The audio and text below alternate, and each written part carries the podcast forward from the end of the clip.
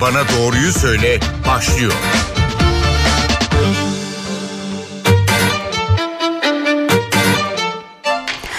Merhaba saatler 12.15'i gösteriyor. NTV Radyo'da Doktor Bana Doğruyu Söyle başladı. Ben Zeynep Gülalp. Salgın döneminde pek çok yanlış bilgi ortada dolaşıyor ve bu yanlış bilgiler kafa karıştırıyor. Biz ise doktora doğrusunu soruyoruz. Bu hafta Covid-19 sürecinde 3. dozun etkisini konuşacağız. Konuğumuz Bilim Kurulu üyesi Profesör Doktor Tevfik Özlü Hocam hoş geldiniz yayınımıza. Merhabalar, teşekkürler. Profesör Doktor Özlü'ye bizim soracak çok sorumuz var. Konuyla ilgili aklınızdaki soruları bizlere NTV Radyo'nun sosyal medya hesapları üzerinden ya da 0530 010 22 22 numaralı WhatsApp hattı üzerinden sorabilirsiniz. Hemen başlayalım hocam. 6-12 Kasım tarihleri arasında haftalık vaka haritası açıklandı. Vaka sayısı her 100 bin kişide İstanbul'da 308, Ankara'da 241, İzmir'de %68 oldu. En çok vaka artışı olan 3 il Tunceli, Osmaniye ve Çanakkale. Son 24 saatte de 21.177 kişinin testi pozitif çıktı. 195 kişi yaşamını yitirdi. Vaka ve özellikle de vefatlardaki artışın önüne neden geçilemiyor? Şimdi pandemi devam ediyor. Yani biz kanıksadık belki eskisi kadar önemsemiyoruz ama bu e, tehlikenin geçtiği veya azaldığı anlamına gelmiyor. Bu sadece Türkiye verileri için değil, dünya olarak bakıldığında, küresel olarak bakıldığında aslında bizim telaşa düştüğümüz, paniğe kapıldığımız, işte sokağa çıkma yasaklarının uygulandığı, dükkanların, mağazaların kapatıldığı, okulların kapatıldığı o ilk dönem, ilk dalgayı düşünürseniz Mart, Nisan 2020'lerden söz ediyorum. Şu andaki dünyadaki vaka sayıları ve ölüm sayıları o e, dönemdekilerden çok daha yüksek e, seyretmeye devam ediyor. Yani biz Covid-19'u e, bir şekilde e, kontrol altına almış değiliz. Bu salgını bitirmiş falan değiliz. Salgın kendi dinamikleri içerisinde dalgalar yaparak seyretmeye devam ediyor ve biz bunu durdurmakta maalesef şu anda küresel olarak söylüyorum yani başarılı olamadık. Ülkemize geldiğinde de bakıldığında da bölgeler arasında, iller arasında e, zaman zaman farklılıklar olmakla beraber bir dalgalanma süreci olduğunu görüyorsunuz. Kimi zaman bazı bölgelerde vaka sayıları çok artıyor, kimi zaman azalıyor, sonra bir başka bölgede artışa geçiyor, diğer bölgelerde azalıyor.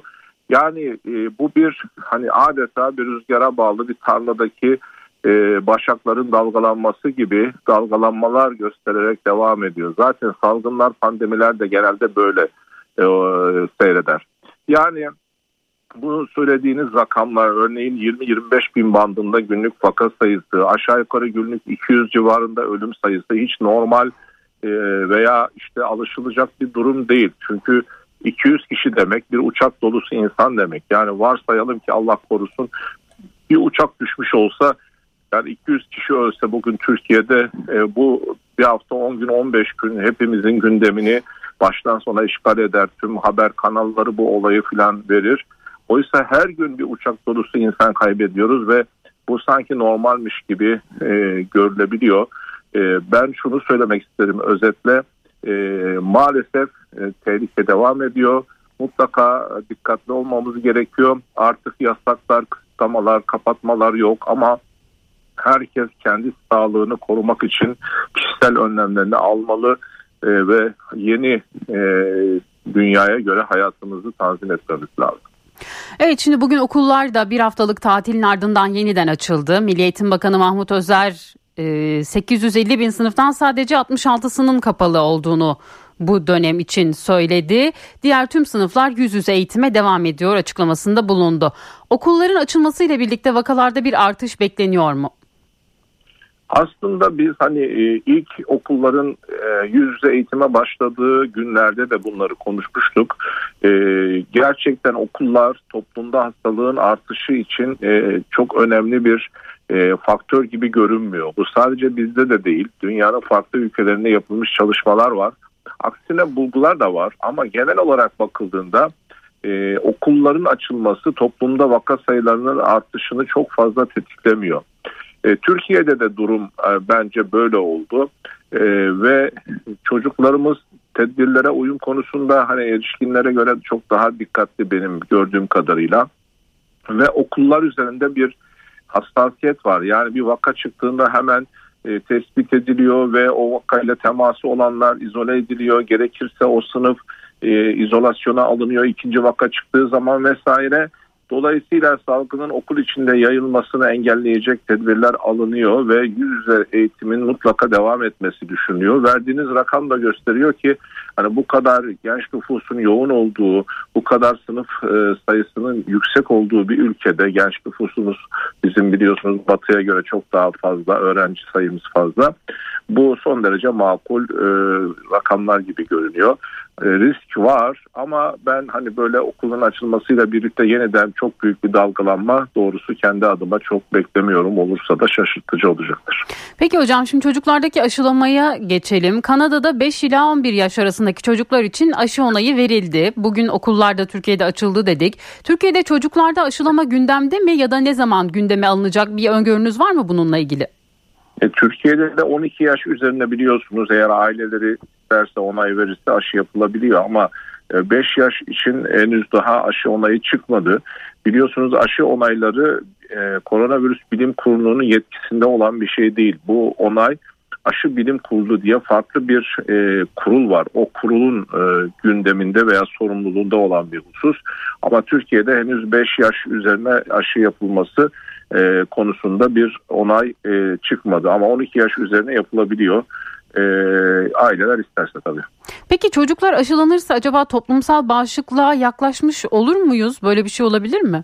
Yani şöyle e, Türkiye'de biliyorsunuz nüfusumuzun çok önemli bir kısmı e, çocuk yaş grubu. Yani mesela şu anda bizim e, okullarımızda milli eğitime bağlı okullardan söz ediyorum. E, aşağı yukarı 18 milyon e, e, kişi var okuyan şu anda. E, okul öncesi çağı da düşünürseniz hani bu daha fazla. Dolayısıyla e, mutlaka ve mutlaka toplumdaki e, bağışıklığın, toplumsal bağışıklığın oluşması için bu popülasyonun hani mutlaka aşılamaya dahil edilmesi lazım. Bu dahil edilmediği sürece tam bir toplumsal bağışıklığı oluşturmak mümkün değil. Çünkü biz şimdi biliyoruz ki e, yeni delta varyantının e, etkisiyle e, R0 değeri dediğimiz ulaşma hızını dikkate alırsak %80 e, %90 hatta bağışıklık sağlamamız gerekiyor. E, bu noktaya ulaşmak hani çocuk yaş grubunu aşılamadan pratikte mümkün değil.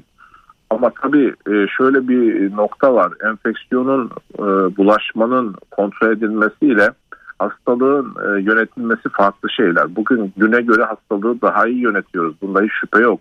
Yani baktığınız zaman artık o ilk dalgada gördüğümüz o dünyanın pek çok ülkesinde hastanelerin dolması, yatak bulunamaması, yoğun bakımların dolması, yatak bulunamaması, mekanik ventilatör bulunamaması, maske bulunamaması, hastaların sokaklarda, sedyelerde ölmesi falan gibi efendim durumlar e, hiçbir ülkede aşağı yukarı şu anda yaşanmıyor. E, ağır vaka oranları azaldı. Genel itibariyle bakıldığında ölüm oranları da azaldı. Yüzde ikiler civarında şu anda e, ölümler. Dolayısıyla hastalığı daha iyi yönetebiliyoruz. Aşılar çok önemli katkı sağladı. Ağır hasta ölüm oranları azaldı. Ancak hastalığı yönetirken maalesef bulaşmayı ve bulaştırmayı iyi yönetemiyoruz. Tedbirlere uyum çok düştü ve tekrar hayat normale döndü. Bulaşma devam ediyor. E, bu zaman içerisinde bir toplumsal bağışıklık oluşturur mu? E, oluşturabilir ama virüsün çok hızlı mutasyon geçirdiğini ve sürekli yeni varyantların ortaya çıktığını düşünürsek hani böyle bir hastalığı geçirerek toplumsal bağışıklığın kazanılması da çok güç ve çok zaman alır. Dolayısıyla pandeminin hani bu kadar uzun süre yaşanması e, insanlık için çok yorucu olacaktır. Aşılama yine burada en iyi e, çözüm görünüyor toplumsal bağışıklığı sağlamak için. Evet bu noktada üçüncü doz konusuna da değinelim. BioNTech şirketinin kurucularından Profesör Doktor Uğur Şahin bir açıklama yaptı ve her yıl bir doz hatırlatıcı aşıya ihtiyaç olabileceğini söyledi. Aşının etkisini dördüncü aydan sonra BioNTech aşısının azalmaya başladığını belirtti ve üçüncü doz aşının virüse karşı korumayı yeniden artırdığına değindi. Şimdi bu noktada zaman kaybetmemek gerekiyor herhalde. Son dönemde çünkü ikinci dozunu yaptıran ama üçüncü doz zamanı gelenlerden de artık Covid-19 haberleri almaya başladık. Hatırlatma dozu neden önemli hocam? Bunu bize anlatır mısınız? Şimdi e, bu konuda oldukça iyi çalışmalar var. E, ve şunu görüyoruz ki e, ilk aşılama ile bir antikor cevabı oluşuyor ama ikinci doz yaptığımız zaman bu antikor cevabı genelde 21-28 gün içerisinde ikinci dozu yapıyoruz.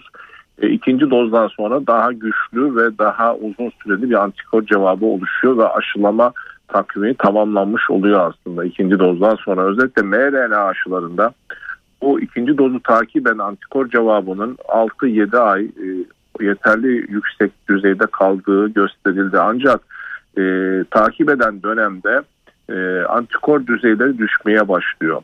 Özellikle yaşlılarda, kronik hastalığı olanlarda, bağışıklık sistemini baskılayan tedavi alanlarda ya da bağışıklık sistemi iyi çalışmayan hastalarda bu antikor cevabı çok daha e, zayıf olabiliyor ve çok daha kısa süre biliyor. O bakımdan e, herkes için de geçerli ama genelde de bu risk grubu için aşılamayı takiben mRNA aşıları için söylüyorum 6 ay sonra bir hatırlatıcı doz e, gerçekten ihtiyaç var gibi görünüyor yapılan çalışmaların sonuçlarında. Toplumsal veriler de bunu destekliyor. Çünkü siz de söylediniz iki doz aşısını yaptırıp aradan 6-7 ay geçen kişilerde tekrar hastalanmalar artmaya başlıyor. Bunları da görüyoruz. Toplumsal dinamiklerde yapılan çalışmaları destekliyor. Dolayısıyla bir hatırlatıcı doz ihtiyacı var gerçekten. Bu sadece Covid-19 aşıları içinde değil yani pek çok aşıda biz bu üçüncü dozu ya da hatırlatma dozunu yapıyoruz. Hatta dördüncü, beşinci dozları yaptığımız aşılar da var. Mesela grip aşılarını her yıl tekrarlıyoruz.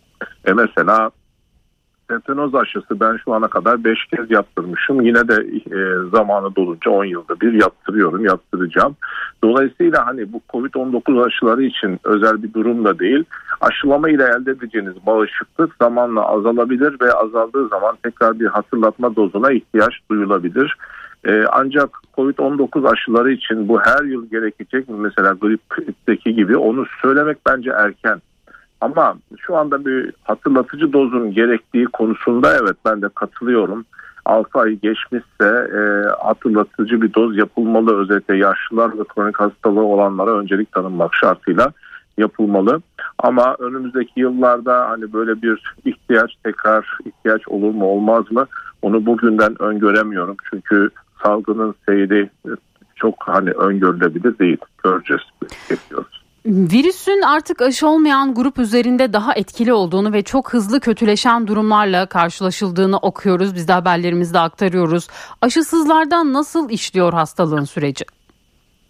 Yani e, aşı e, virüsün ve salgının dinamiklerini değiştirdi. Gerçekten haklısınız çünkü biz hatırlarsanız hani geçen yıl Mart ayında Nisan ayında hep şunu söylüyorduk. Gençlerde işte çocuklarda bu hastalık ya görülmüyor ya çok hafif seyrediyor.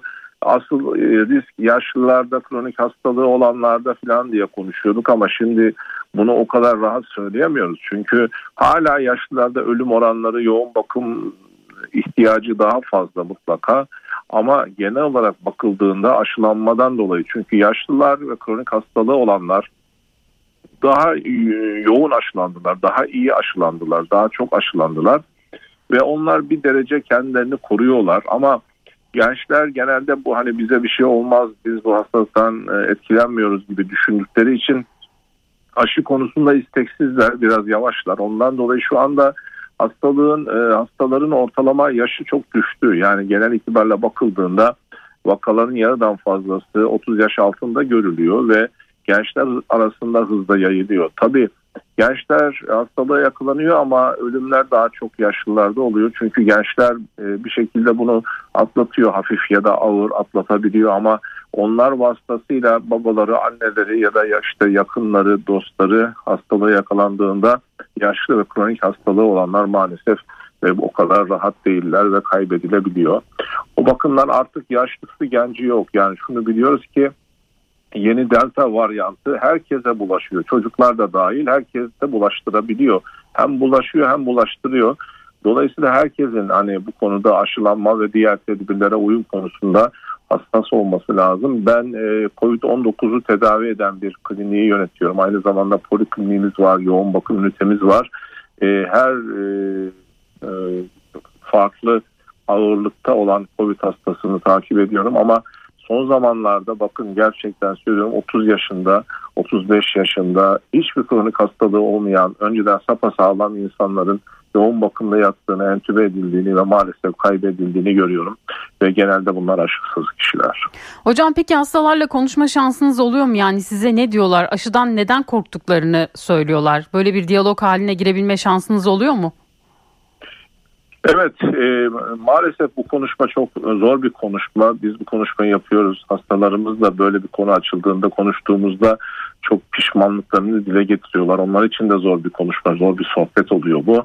E, genelde e, hiçbir rasyonel nedeni yok. Sadece bazı e, komplo teorileri, işte kurgular, işte kulaktan dolma şeyler, sosyal medyada e, ki hani e, paylaşılan bir takım e, bilgiler diyelim ki dezinformation dediğimiz bizim yanıltıcı bilgiler bunların etkisinde kaldıklarını işte aşı yaptırırlarsa e, bu aşının kendilerine zarar vereceği yönündeki e, endişelerden dolayı e, aşı yaptırmaklarını söylüyorlar ama gerçekten çok dram yaşanıyor. Mesela bir hasta eşi e, yoğun bakımda mekanik ventilatörde ve maalesef kötü gidiyor. E, aile boyu Covid olmuşlar.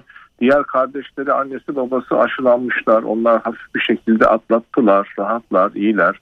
Ama bu ikisi aşılanmamış. Eşiyle kendisi aşılanmamış, aşı karşıtıymış ve maalesef kendisi de ağır ama kendisi şu anda e, yani yoğun bakımda değil, entübe değil ama eşi maalesef çok kötü durumda. Hasta eşi içinde, kendisi içinde ağlıyordu yani gözü yaşı ağlıyordu. Çok büyük hata yapmışım diyerek. E, tabii üzülüyoruz yani çok e, dramatik. E, şimdi kime soracaklar yani bizi aldattınız, bizi kandırdınız, bizi yanlış bilgi verdiniz. İşte başımıza bu geldi deyip hesabını kimden tahsil edecekler? Yani böyle bir yol yok ki bunu tazmin etmek şansı yok. Onun için yani herkesin gerçekten aşılanması lazım. Aşı yaptırmasını tavsiye ediyorum ben. E, endikasyonu olan hani zamanı gelen daha doğrusu aşısını ilk doz yaptırmışsa ikincisini ikincisini yaptırmışsa zamanı gelmişse üçüncüsünü yaptırmalılar. Aşı beni hasta etmeyecek anlamına gelmiyor. Yani aşı olduğunuz zaman siz de hasta olabilirsiniz ama e, hem hastalanma oranınız daha düşük hem de hastalandığınız zaman bunu hafif geçirme e, e, şansınız artıyor, oranınız artıyor. Evet şimdi çok merak edilen konulardan birisi de iki doz Biontech olup Covid-19 geçirmiş kişilerin üçüncü dozu olup olmaması. Üçüncü dozu olmalılar mı hocam bu vakalar ya da bu ne zaman olmalı üçüncü doz aşı? E, hastalığı geçirmişse hastalığın kendisi de biliyorsunuz oldukça iyi bir antikor cevabı oluşturuyor. Zaten iki doz Biontech olmuş.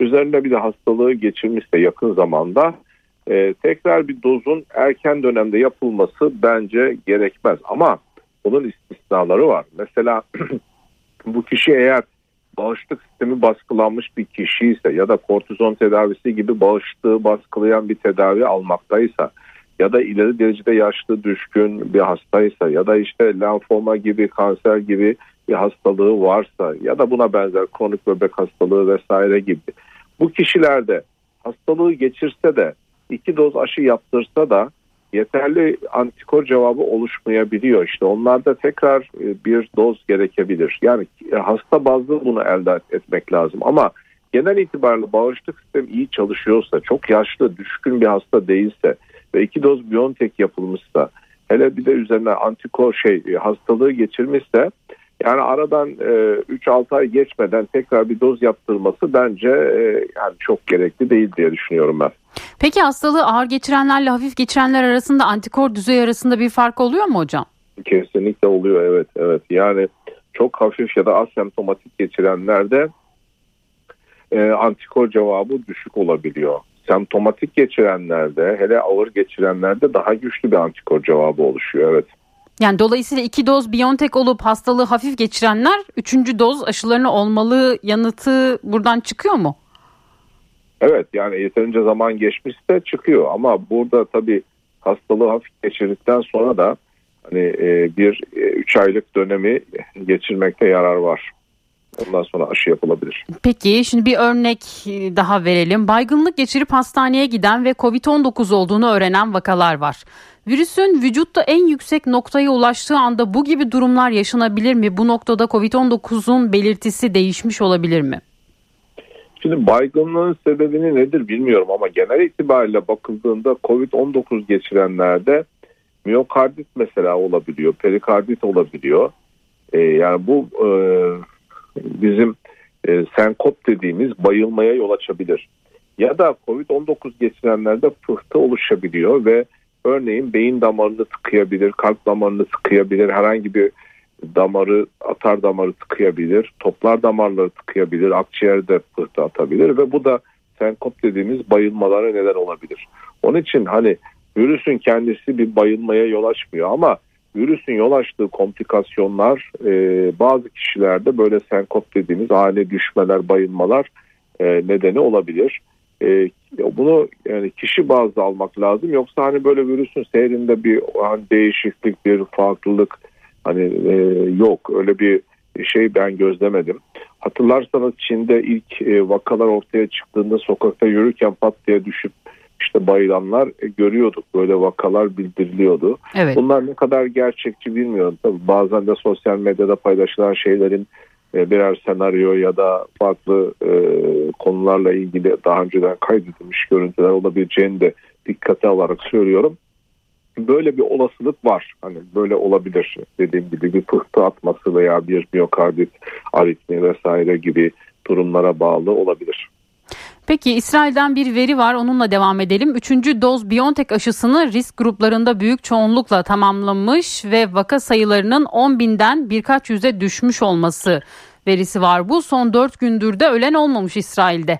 Ayrıca 5-12 yaş arası çocuklarda da aşılama bu hafta başlıyormuş. Üçüncü doz aşılar bizi bu süreçten çıkartacak diyebilir miyiz? Üçüncü doz aşılar bulaşı tamamen önlüyor mu? Şimdi İsrail hakikaten bu aşılama konusunda çok e, önemli verilerin o, paylaşıldığı bir ülke. Adeta bir laboratuvar gibi bunu çok iyi okumak lazım. Çünkü onlar e, iki doz aşılamayı da çok hızlı bir şekilde, çok yaygın bir şekilde yaptılar ve vaka sayılarını ve ölümleri tamamen durdurmuşlardı. Ama aradan 5-6 ay geçtikten sonra risk gruplarında başta olmak üzere tekrar enfeksiyon ve ölüm sayıları artmaya başladı.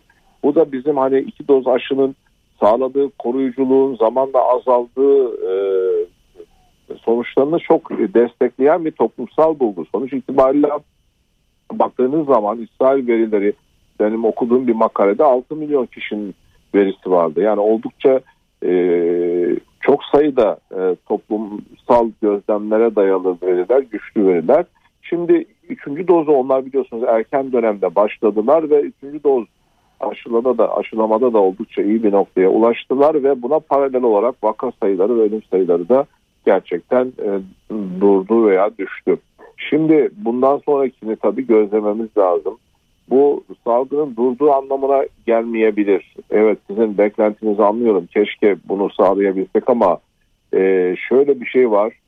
Salgın dünyada durmadığı sürece bir ülkede de çok çok durmayacaktır. Yani bunu umut etmek iyi bir şey ama çok gerçekçi değil. Çünkü bu virüs yükü dünyada çok fazla. Yani virüsü taşıyan çok sayıda insan var bu virüs havuzu e, insan havuzu virüsü taşıyan insan havuzu içerisinde yeni yeni mutasyonlar, yeni yeni varyantlar çıkabilir bunlar farklı şekillerde aşıdan, aşının sağladığı bağışıklıktan kendini kurtarabilir ve dönüp tekrar dünyada yeni dalgalara neden olabilir. Dolayısıyla gelişmemiş ülkelerde aşılanma oranları hala %5'ler civarında. Yani tek doz aşı yaptıranlardan bahsediyorum. Çift doz da değil. Dolayısıyla ben hani e, aşıyla e, yakın zamanda böyle bir pandeminin gündemimizden çıkması gibi bir durumun çok hani beklemiyorum ama şöyle bir olay var hasarı azaltıyoruz. Yani aşılamayı iyi yaptığımız zaman hem vaka sayılarımız düşüyor hem de ölüm oranlarımız azalıyor. Hastane doluluk, yoğun bakım, yatak doluluk oranlarımız azalıyor ve hayat normale dönüyor. Üretim, sosyal hayat, insanların e, yaşamları, eğitim normale dönüyor. Yani aşılamanın hayatımıza kattığı şeyler çok e, fazla. Bakın geçen sene okullar kapalıydı bu sene açık. Geçen sene mekanlar, dükkanlar kapalıydı bu sene açık. Geçen sene sokağa çıkmıyorduk bu sene çıkabiliyoruz. Yani bunlar hastaneler doluydu, yoğun bakımlar doluydu. Şimdi o kadar bir yoğunluk yok. Bütün bunlar aşının sağladığı yararlarla elde ediliyor. Onun için aşılamaya devam edeceğiz. Salgını belki durduramayacağız ama aşılanarak kendimizi, ülkemizi, insanlarımızı koruyacağız. Ölümleri azalttık, ölüm oranlarımız azalıyor. Bunlar da az sonuçlar değil. E, elbette bir gün bu pandemi bir şekilde duracak ama hani e, bunu e, dünyada e, bütün ülkelerde birlikte sağlamamız lazım. Aşı adaletsizliğini ortadan kaldırmamız lazım. Hocam peki şimdi ikinci doz e, BioNTech aşısı olunduğunda antikor e, seviyesinin 15 gün içinde yükseleceğine dair bir takım e, söylentiler e, vardı. Üçüncü Doğru. dozu olduktan sonra bu süre ne kadara indi ya da arttı mı? Yani genel itibariyle bakıldığında e, rapel dozlarda da yani hatırlatma dozlarında da 7-14 gün içerisinde 7-10 gün içerisinde çok iyi bir cevap oluşuyor. Yani e, daha erken sürede daha güçlü bir cevap oluşuyor ama hani ikinci dozdan daha güçlü bir e, antikor düzeyi elde ediyorsunuz. Üçüncü e, hatırlatıcı dozda. Peki şunu merak ediyorum. Şimdi Covid-19 olmuş aşılı bir kişi ee, Covid-19'un bazı e, organlarda tahribata sebep olduğunu e, söylüyordunuz. E, uzmanlardan da bu yönde açıklamalar geliyordu. Aşı olmuş bir kişiyle aşı olmamış bir kişi arasında organlarda tahribat konusuna bakacak olursak bir farklılık gözlemliyor musunuz? Bu konuda benim okuduğum bir çalışma yok en azından. Onun için hani bir şey demem çok zor. Yani ben şu ana kadar hani olabildiğince makalelere, bilimsel araştırmaların sonuçlarına dayanarak bir şeyler söylemeye çalışıyorum. Şimdi hani biri olmayan ya da benim bilgim olmayan bir konuda bir şey diyemem. Ama genel olarak bakıldığında şöyle varsayımda bulunabiliriz.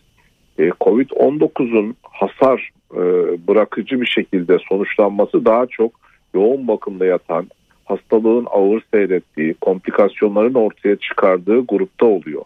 Yani hafif seyredenler, evde tedavi görenlerde genelde kalıcı komplikasyonlar ortaya çıkmıyor.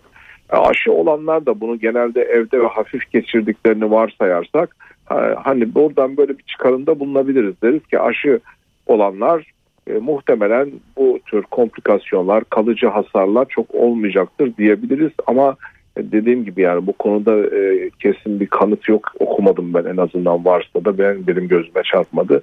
Onun için kesin bir şey diyemeyeceğim ama beklentim de o yönde sizin dediğiniz yönde. Hocam çok kısa bir süremiz kaldı. Bir dakikamız var. Varyantlarda ne durumdayız? Covid-19'un bir kez daha mutasyona uğramasını bekliyor musunuz? Çok kısa bunu da alayım sizden. Ya mutasyon sürekli olacaktır. Yeni varyantlar da oluşabilir ama şu anda gördüğüm benim hala dünyada delta varyantı hakim durumda çok daha hızlı daha kolay bulaşıyor ve e, delta varyantına bağlı dördüncü dalgadan sonra bir beşinci dalgayı yaşamaya hazırlanıyoruz. Dünyada beşinci dalga trendi devam ediyor.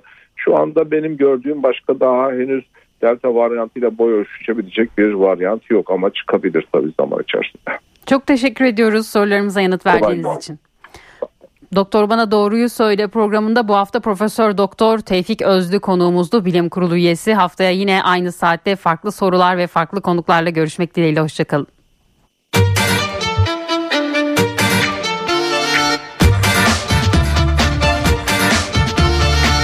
Doktor Bana Doğruyu Söyle.